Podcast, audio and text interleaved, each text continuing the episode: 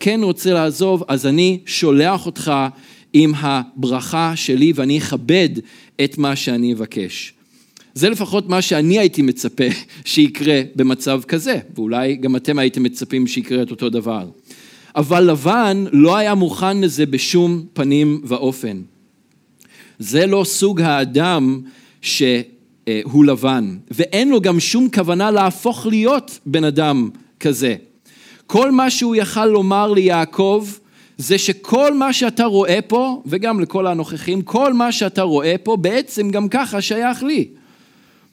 וזה מה שקורה לאדם שלא יכול לגבות את המילים שלו עם אופי תואם ולא מאפשר לאלוהים לפעול בחיים שלו. אדם שלא רוצה ואדם שגם לא מוכן להשתנות, אדם שלא מתקדם לעבר הבגרות, אדם שנשאר תקוע במקום.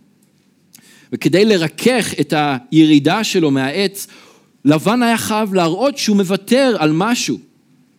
הוא לא רצה והוא לא התכוון באמת לוותר על, על משהו בכלל, במיוחד לא על הצדקנות הצבועה שהוא הראה עד עכשיו, אז הוא שב והוא הצהיר שכל מה שיש ליעקב בעצם שייך לו, ועל זה הוא כביכול מוותר, זה, כל זה שייך לי גם ככה. אבל אתה יודע מה יעקב? אני אתן את זה לך, אין בעיה. אני, אני מוותר על זה, הוא כביכול ויתר על זה. ובאותה נשימה, כמו שאנחנו רואים, הוא גם מכין את הקרקע למהלך הבא שלו, ומוסיף ואומר שבעצם הידיים שלו קשורות בכל מה שקשור לנשים ולילדים, והוא לא יכול להחליט לגביהם, והם יכולים להחליט לעשות את מה שהם רוצים. ואז מיד הוא ממהר כדי להציע ליעקב לכרות ברית שיהיה לעד ביניהם. יעקב, כמו שאנחנו רואים, מסכים להצעה של לבן, והוא מיד ניגש כדי לקחת אבן שאותה הוא גם מקים והופך אותה למצבה. אחר כך אנחנו רואים הוא מנחה את האחרים שהיו שם לאסוף אבנים וליצור גל. עכשיו מדובר היה ככל הנראה על אבנים מאוד גדולות אה, כשהאבן המרכזית הייתה אה, גבוהה או אה, זקופה ועומדת וכל שאר האבנים האחרות בעצם הונחו במעגל מסביב לאבן המרכזית והאבן המרכזית שימשה כמזבח והאבנים מסביב היו אה, מושבים שעליהם ישבו כל האנשים שהיו או חלק מהברית או שהיוו עדים לברית שעמד אה, להיחרט וגם עליהם אה, ישבו ואכלו כי הארוחה הייתה חלק מהברית גם כן. בתקופה הקדומה, אם אתם מכירים או, או זוכרים, דיברנו על זה בפעמים אחרות, בין היתר בברית בין הבתרים, אז אה, ברית כללה ביטור של אה, בעלי חיים, לחתוך את בעלי החיים לשניים, היו לוקחים כמה בעלי חיים, חותכים אותם לשניים, מניחים את הפגרים חצי פה, חצי כאן, והצדדים שהיו מעורבים, אה, צד בברית היו עומדים באמצע, בין כל הקרביים והדם וכל הגועל של החיות, והיו מכריזים שם את תנאי הברית, והיו אומרים, אם אנחנו לא מקיימים את תנאי הברית, אז שאנחנו נהפוך להיות כמו ה... הפגרים האלה, כמו החלקי חיות האלה אה, שיש כאן בצדדים, ואם אתם זוכרים זה בדיוק מה שקרה בברית, בברית בין הבתרים, רק שאברהם ישן ואלוהים בא כלפיד בוער, כלפיד אש ועבר בין הבתרים אה, כשהוא הבטיח את ההבטחה החד צדדית והברית החד צדדית שהוא כרת עם אה, אברהם. לאחר מכן הם היו יושבים ואוכלים יחד ובכך בעצם היו חותמים את הברית, וזה בדיוק מה שלבן ויעקב עשו כאן בפסוק 46. ולמקום הזה לבן קורא יגר שהדותה, תזכרו את זה, יגר שהדותה, וזה בעצם הגרסה הארמית אה, לשם שיעקב נתן למקום גל עד, שהפירוש של זה זה פשוט אה, אה, גל או קבוצה של עדים, כמו שכתוב בפסוק 47. המנהג הזה גם לא היה זר בתקופה הקדומה, יש את אה, יהושע שהקים מצבה מאבן כשהוא כרת ברית עם אה, בני ישראל לעבוד רק את אלוהים ועוד מקרים גם כן שמופיעים גם בתנ"ך וגם שמצאו מהארכיאולוגיה שזה מה שהיו עושים אה, בתקופה ההיא. אבל מעבר לפרטים הטכניים תשימו לב אחרי שלבן מציע את הברית תראו מי זה שקם ועושה מעשה וזה יעקב. יעקב, תראו, הוא לא מגיב להצהרה האבסורדית לחלוטין של לבן שכל מה שיש שם שייך לו, אלא הוא קם והוא עושה מעשה. במשלי פרק כ"ו, פסוקים 4 ו-5, כתוב, אל טען כסין כאיוולתו, פן תשווה לו גם אתה. ואז מיד לאחר מכן בפסוק 5 כתוב, תענה, ענה כסיל כאיוולתו, פן יהיה חכם בעיניו. אז אל תענה לכסיל, ואז כן תענה לכסיל. ונראה לי שכאן אנחנו רואים דוגמה קלאסית של המימוש של החוכמה ששלמה יכתוב אה, כמה מאות אה, שנים לאחר מכן. יש זמנים שצריך לענות לאדם אה, טיפש, לכסיל כאיוולתו, ויש פעמים שלא. אז בהתחלה, או כמה פסוקים קודם לכן, אנחנו ראינו שיעקב לא נשאר חייב ולא נשאר אדיש ללבן, והוא ענה לו לפי איוולתו, כי מה שלבן אמר היה שטויות, זה פשוט לא היה נכון. ויעקב עמד והוא הוכיח אותו על זה, פן יהיה חכם בעיניו. אבל עכשיו הוא כנראה כבר מבין את הסיפור והוא בוחר שלא לענות לו עכשיו, בוחר לא להתייחס בכלל להצהרה האבסורדית וההזויה של לבן, אלא פשוט לקום ולעשות מעשה במקום. בואו נקדם את העניינים. עכשיו לאורך כל הקטע הזה שאנחנו אה, אה, קוראים הערב, אתם תראו שאתם רואים וראינו שיעקב ממעיט במילים, כמעט ואין לנו אה, ציטוטים ממה שיעקב אה, אומר. את המעט שהוא כן אומר, הוא מגבה במעשים. אנחנו רואים בפסוק 45 שהוא מקים מצבה, בפסוק 46 הוא מנחה את האחים לאסוף אבנים, בפסוק 53 הוא נשבע בשם אדוני, בפסוק 54 שהוא זובח לאלוהים ושהוא שוב אוכל עם האחים שלו. יעקב אנחנו רואים הוא לא אותו אדם שהיה כשהוא הגיע לחרן. הוא אדם אה, שעבר שינוי באש הצריפה של חרן ביחד עם לבן שהיה שם, שהוא, לבן היה סוג של האש במקרה אה, הזה. ויעקב אנחנו רואים כבר התקדם, יעקב התקדם לעבר אה, הבגרות, גם אם הוא לא הגיע לשם באופן מוחלט, ואנחנו עוד נראה שיש לו מפולות, אנחנו עוד נראה שהוא לא תמיד מצליח בהמשך החיים שלו, אבל הוא בהחלט בדרך לשם. והוא כבר אדם מאוד שונה ממי שהוא היה כשהוא הגיע לחרן. והוא פיתח אופי של איש אלוהים שגם טעם את המילים שהוא הכריז. וכאן במקרה הזה את המילים המעטות שהוא הכריז. שאול כתב לרומים בפרק ה' פסוקים שלוש עד חמש אך לא זאת בלבד, אנחנו, אך לא זאת בלבד, אנחנו מתהללים גם בצרות, שכן אנו יודעים כי הצרה מביאה לידי סבלנות, והסבלנות לידי עמידה בניסיון. עכשיו המילה כאן לעמידה בניסיון, בעצם אפשר להגיד את זה כאופי, זה נותן את האופי של היכולת לעמוד בניסיון. ואז העמידה בניסיון, או האופי הזה שנוצר מהעמידה בניסיון, גם מביא לידי תקווה. ואלוהים רוצה ליצור אופי חזק של המשיח ובגרות רוחנית גם בחיים של כל אחד ואחת מכם, בחיים של כולנו. בדיוק כפי שהוא רצה לעשות בחיים של אה, יעקב. וזה מגיע דרך ניסיונות, זה מגיע דרך הצריפות האלה. עכשיו חשוב לומר שהניסיון והניסיונות זה לא תמיד משהו רע, זה לא בהכרח אומר מצב קשה או מאתגר או משהו כזה. זה אה, כן אה, יכול להיות ואופי נבחן גם כשקשה, כשיש מחסור, כשיש חולי, כשיש תקופה מאתגרת, זה בהחלט, אבל יש גם שאלה איך אדם נוהג, מה האופי של אדם גם כשהכול בסדר.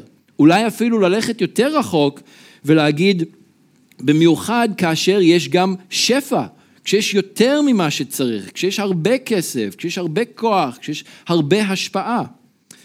אה, אברהם אה, לינקולן, אברהם לינקולן, הנשיא המפורסם של ארה"ב שהתנגשו בחייו, אה, אני צוחק, בטח בארץ היינו קוראים לו אבי פשוט. אברהם לינקולן אמר את המשפט הבא, רוב בני האדם יכולים לעמוד בסבל, בקושי, בניסיון, אך אם תרצה לבחון את אופיו של אדם, תן לו כוח. כשיש לו כוח, כשיש לו שפע, כשיש לו את כל מה שהוא צריך, תראה איזה מין אופי יש במצב כזה. ללבן אנחנו ראינו היה כוח, ובטח, אה, סליחה, ובכוח שהיה לו, אה, הוא ניצל לרעה את יעקב, כדי לנסות להוציא ממנו את כל מה שהוא יכל לסחוט ממנו מבחינת עבודה, כדי להרוויח על חשבונו את כל מה שהוא יכל להרוויח, כמה שיותר. כי בו לא היה אופי אלוהי, ולא היה בו אופי מוסרי. אז בין אם יש לכם שפע, בין אם יש לכם מחסור, בין אם קשה ובין אם קל בחיים, תאפשרו לאלוהים לפתח בכם את האופי הזה שלו, תאפשרו לאלוהים אה, אה, לפתח את האופי שתואם אה, את מה שאתם גם מכריזים. אנחנו באים לכאן כל שבוע, אנחנו קוראים בתנ"כים במהלך השבוע, אולי יוצא לנו לבשר או פשוט לנהל שיחות רוחניות במהלך השבוע עם אנשים אה, אחרים, אנחנו מכריזים דברים. האם יש לנו את האופי שמגבה, שעומד במילים שאנחנו מכריזים? אז אנחנו רוצים לאפשר לאלוהים לפתח בנו את האופי הזה, כמו שאנחנו רואים שהוא פיתח ביעקב. אנחנו לא רוצים להיות כמו לבן, ש... אה, אה, לא יכל אה, להראות אופי שתואם את המילים שהוא אמר. לבן לא הסתפק רק בגל עד שיעקב הקים ושהם אכלו עליו גם ביחד כשהם כרתו את הברית, אלא אנחנו רואים שהוא גם מנסה להראות את עצמו עכשיו כירא שמיים. בכך שהוא קורא לגל עד גם מצפה, והוא מנסה, או בעצם מגייס את אלוהים להיות העד וזה שישים עין על יעקב, הרי יעקב הוא בלתי אמין, אי אפשר לסמוך עליו כביכול, צריך לגייס כאן את אלוהים כדי שיוודא שיעקב ימלא אחרי הברית ואחרי הדברים שהם הבטיחו והמילים שהם כרתו ביניהם אה, כשהם נפרדים לדרכיהם, הרי כל אחד יהיה עכשיו במקום אחר ולבן לא יוכל להבטיח שיעקב באמת ימלא אחרי הדברים האלה. פסוק 49, והמצפה אשר אה, אמר ייצף אדוני ביני וביניך כי נסתר איש מרעהו, אנחנו לא נראה אחד את השני. ואני לא יכול לסמוך עליך יעקב שאתה תמלא אחרי הדברים האלה, הרי אתה סוג של נוכל. אז אני אגייס עכשיו את אלוהים והוא יהיה העד. הוא יהיה העד שאתה תמלא אחרי הדברים האלה אה, אחרי שאנחנו אה, נפרדים. ואם חשבתם שלבן סיים עם ההצהרות המוגזמות וההאשמות המופרכות, כמו שהוא כבר אמר כמה פעמים, והאחרון שבהם היה בפסוק 43, כל מה שיש כאן שייך לי, אז אתם טועים. בפסוקים האלה, 48 עד 53, אה, לבן ממשיך לנסות ולכסות על המגרעות שלו עצמו, ובין השורות להוציא את יעקב בתור הנוכל שבעצם אשם בכל המצב הזה מלכתחילה. אז כמו שראינו, אה, הוא ניסה קודם כל להמעיט ביעקב, הוא ניסה אה, לתקוף את הכבוד שלו ולהקטין אותו בכך שהוא הצהיר שכל מה שיש ליעקב בעצם שייך ללבן. אתה, כל מה שיש פה זה בכלל לא שייך לך, זה בכלל שייך לי. כשיעקב עמל קשה והרוויח את כל מה שהיה שם ביושר. אז הוא ניסה לתקוף את הכבוד שלו ולהמעיט בו, להקטין אותו, להפוך אותו לכזה קטן. היו שלושה דברים שהוא עשה, זה הראשון. הדבר השני, אנחנו רואים שהוא מנסה לתקוף את האופי ואת המוסריות של אה, יעקב, כאילו שהוא הולך לעשות משהו רע, כאילו שאי אפשר לסמוך עליו, והוא הולך לפעול באיזה דרך לא טובה ולא נאותה עם הבנות של לבן, עם הנשים של אה, יעקב, או שהוא ייקח נשים נוספות. הוא אומר בפסוק חמישים, אם תענה את בנותיי, לענות, לעשות להם רע, אה, אם תענה את בנותיי ואם תיקח נשים על בנותיי, אין איש עמנו רואה אלוהים עד ביני וביניך. אבל סליחה רגע, לבן, בינתיים מי שהתייחס לרחל וללאה כנוכריות זה אה, לא אה, יעקב, אלא זה אתה. מי שהתייחס אליהם כאל רכוש זה אתה, ומכר אותן, לא יעקב. מכל העדויות שיש לנו כאן בקטעים שלמדנו אותם, יעקב התייחס תמיד בכבוד לנשים שלו. למרות כל המתח שראינו שהיה בין שתי האחיות ואחרי זה גם עם השפחות, אנחנו ראינו שיעקב תמיד כיבד את הנשים ומעולם לא התייחס אליהם בדרך לא אה, נאותה או לא בדרך אה, של כבוד. ויותר מזה, סליחה לבן, אתה עכשיו חושש ומפחד שיעקב ייקח עוד נשים מעבר לארבע שיש לו כבר? אז הסיבה שהוא הגיע לשם זה בגלל, בגללך, בגלל לבן. אם אתם זוכרים בהתחלה, יעקב היה לו עיניים רק לרחל. אותו הוא ראה, איך שהוא שם עיניים עליה, הוא התאהב בה, הוא רצה אותה, הוא רצה להתחתן איתה, והוא לא היה מעוניין באף אישה אחרת. ולדעתי, אם לבן לא היה עושה את ההחלפה הזאת בליל הכלולות עם לאה, יעקב היה כנראה ממשיך בדרך של אביו, שנשאר גבר של אישה אחת. יצחק, שהיה רק, התחתן והיה אה, לו לאישה רק את אה, רבקה, אני חושב שאותו דבר היה קורה עם יעקב, הוא היה גבר של אישה אחת, גבר של רחל. אבל זה לא יצא ככה, אבל לבן היה זה שהכניס את הפוליגמיה לתוך החיים של אה, יעקב, לא יעקב עצמו. הדבר השלישי שאנחנו רואים, לבן מנסה לפגוע באמינות של יעקב. יעקב, אם אנחנו זוכרים כאן, רואים, יעקב הוא זה שהקים את המצבה ואת הגלעד, נכון? אנחנו ראינו את זה בפסוק 45, אה, ויקח יעקב אבן וירימיה מצבה. יעקב הוא זה שלקח את האבן והקים אותה, אה, אה, אותו בתור מצבה. אבל מה אנחנו רואים כאן?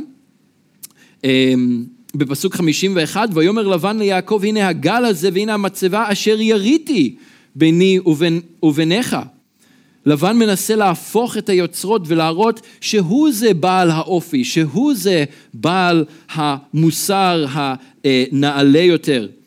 ושהוא בסך הכל מנסה לשמור על עצמו מפני יעקב, ומנסה למנוע ממנו לעבור את הגבול הזה שעכשיו יהיה ביניהם, שהמצבה תשמש, כדי להרע ללבן, כאילו. אבל עוד פעם, הוא אומר את זה כאן בפסוק 52, עד הגל הזה, עד הגל הזה ועדה המצבה, אם אני לא אעבור אליך את הגל הזה, ואם אתה לא תעבור אליי את הגל הזה ואת המצבה הזאת לרעה.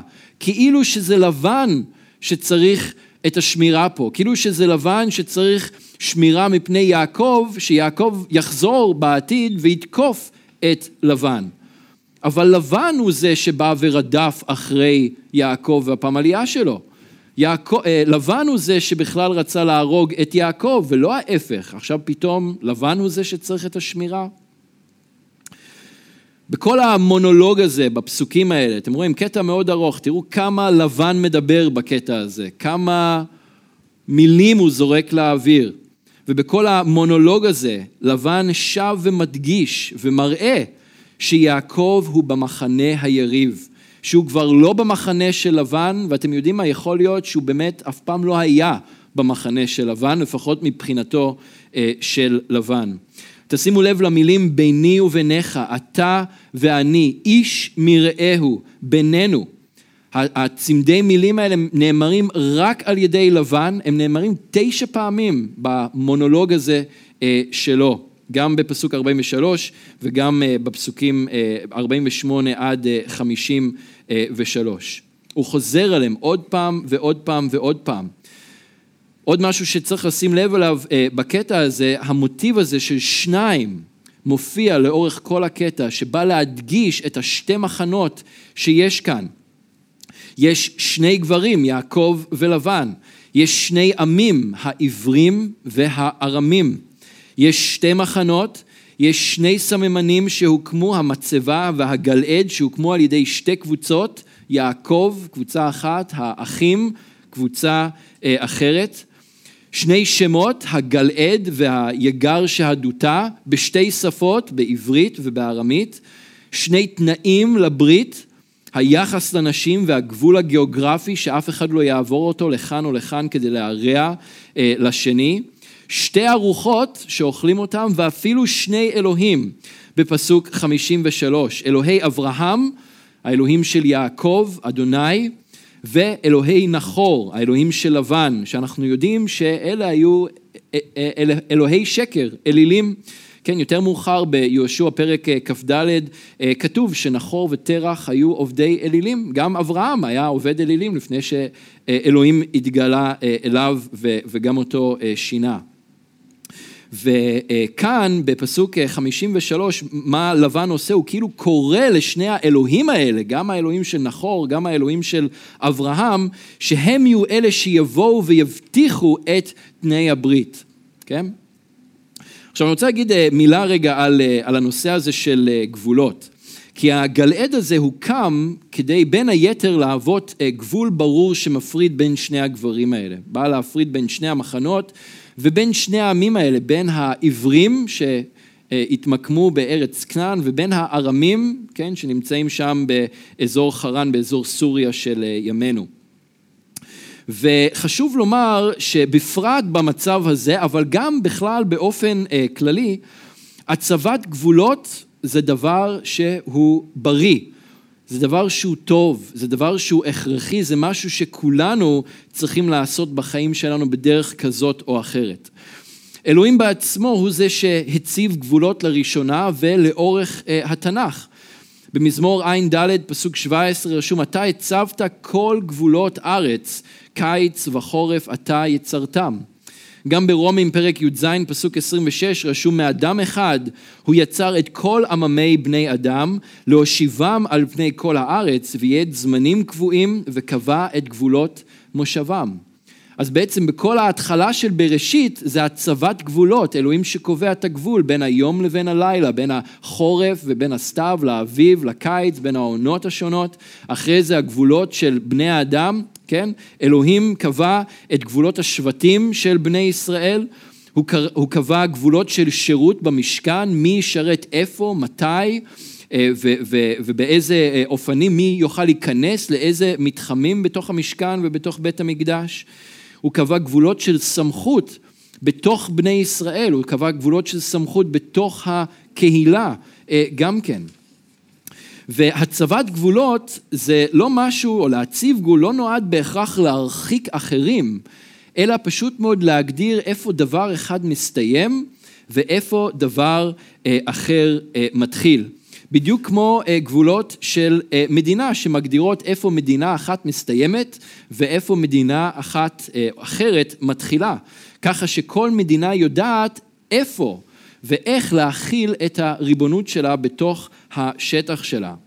ואני חושב שהרבה פעמים אנשים אה, רואים בגבולות כדבר שהוא אה, שלילי, כסוג של אה, חוסר אהבה או חוסר קבלה של האחר, מין רוע הכרחי כזה שחייבים לשים במקום. אה, הלוואי והעולם פשוט היה כפר אחד גדול, בלי גבולות ובלי שום דבר, כן? בלי גבולות בינינו. אבל גבולות הם דבר טוב שכולנו צריכים שיהיו לנו. ובעצם הם מהווים אקט של אהבה אה, גם כלפי אלוהים, גם כלפי הזולת וגם כלפי אה, עצמנו.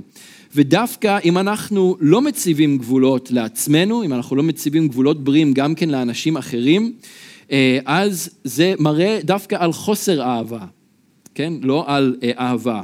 אה, כמו שחוסר הצבת גבולות לילדים מראה חוסר אהבה כלפי הילדים כי הם לא גדלים לדעת מה נכון ומה לא נכון, מה מותר ומה אסור, הם גדלים אה, להרגיש אה, לא בטוחים אם לא מציבים להם גבולות מאוד ברורים.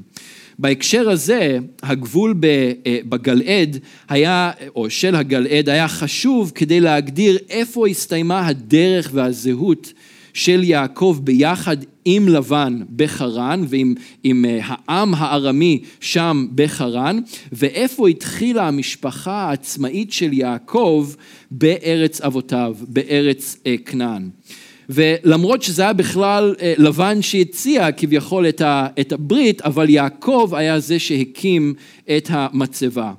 ממש כמו בנישואין, הצבת גבולות למשפחה המורחבת, כן, כל מי שנשוי מכיר את זה, צריך לפעמים להציב גבולות להורים, צריך לפעמים להציב גבולות לאחים או לחברי משפחה אה, אחרים. הצבת הגבולות האלה באהבה לא נועד להרחיק את בני המשפחה אה, האחרים, אלא פשוט להגדיר איפה תא משפחתי אחד מסתיים ואיפה תא משפחתי אחר מתחיל, ולאפשר לתא המשפחתי החדש הזה שנוצר דרך הנישואין להיווצר ולגדול ולמצוא את הדרך שלהם אה, על פי אה, רצון אלוהים. וזה מה שאנחנו רואים קורה כאן גם עם המשפחה של יעקב, גם עם השבט של יעקב. אז אנחנו ראינו שיעקב השתנה, אבל לבן נשאר בדיוק אותו הדבר.